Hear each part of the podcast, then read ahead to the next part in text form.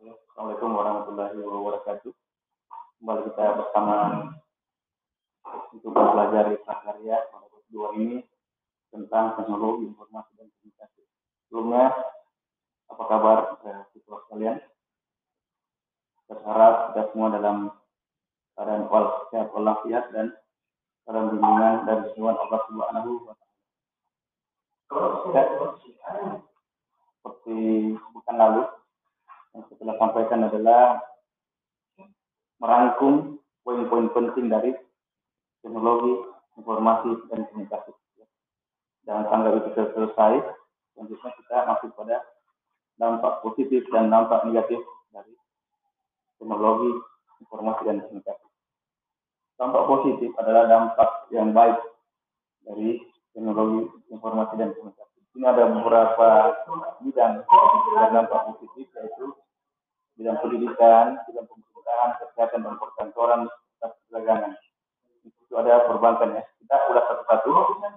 Dari sisi pendidikan, penggunaan teknologi informasi dan komunikasi sangat memudahkan kita dalam pengerjaan yang berhubungan dengan administrasi dan berhubungan dengan kegiatan proses belajar mengajar. Contohnya pada masa ini, masa pandemi ini, pembelajaran banyak dialihkan pada pembelajaran secara online atau dalam bahasa Indonesia daring dalam jaringan. Jadi siswa hanya menunggu atau belajar di rumah saja dengan arahan gurunya melalui online. Ya berhubungan dengan guru atau siswa dengan siswa guru dengan siswa melalui proses online. Ya itulah salah satu keuntungan atau dampak positif dari juga selain itu, kita lanjut lagi, bidang pemerintahan, sama seperti sekarang, kita stay at home. Ini pekerjaan-pekerjaan yang bukan pemerintahan administrasi dikerjakan untuk memudahkan kita menyelesaikan pekerjaan-pekerjaan. Misalnya ada data yang kita ambil atau kita input, tidak perlu kita ke tempat yang jauh, di tempat yang jauh, tempat yang jauh dari lokasi, cukup dengan menginputnya di internet, kita men-scan atau mengirimkan berita, cukup dengan menginput internet, ya, kita bisa mendapatkan apa yang kita inginkan.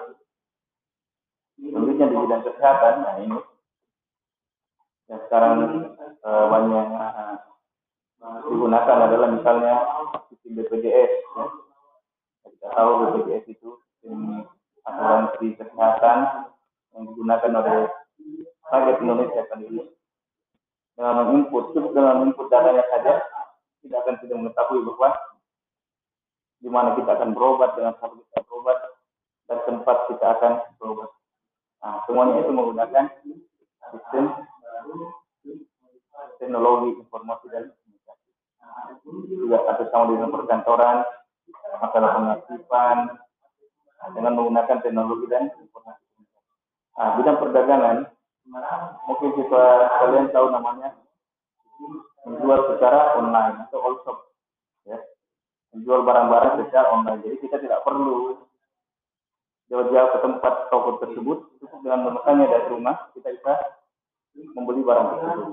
Dan juga seperti yang kita lihat jasa-jasa transportasi, misalnya taksi online, uh, ojek online, semuanya dengan menggunakan fasilitas internet. Ya.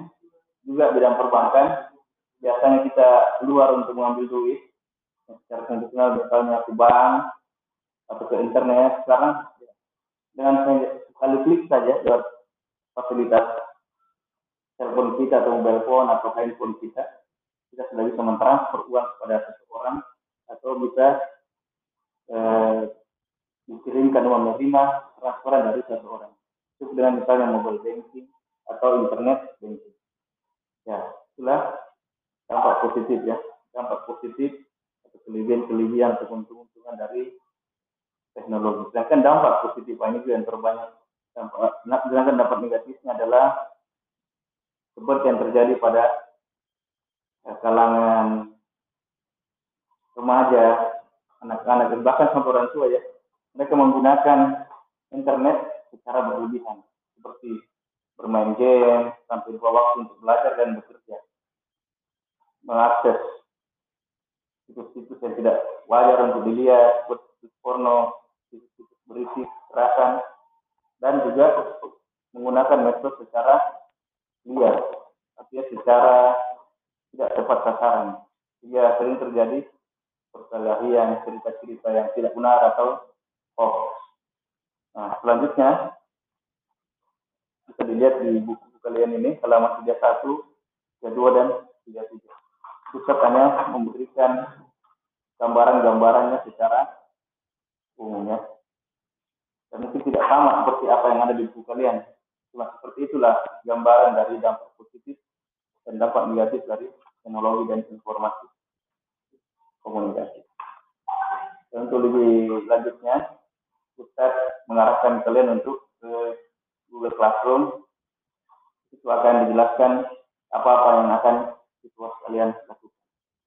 Dan, dan terima kasih. Semoga dengan penjelasan ini kita bisa mengambil manfaat di saya dan dampak positif dan negatif dari teknologi informasi dan komunikasi.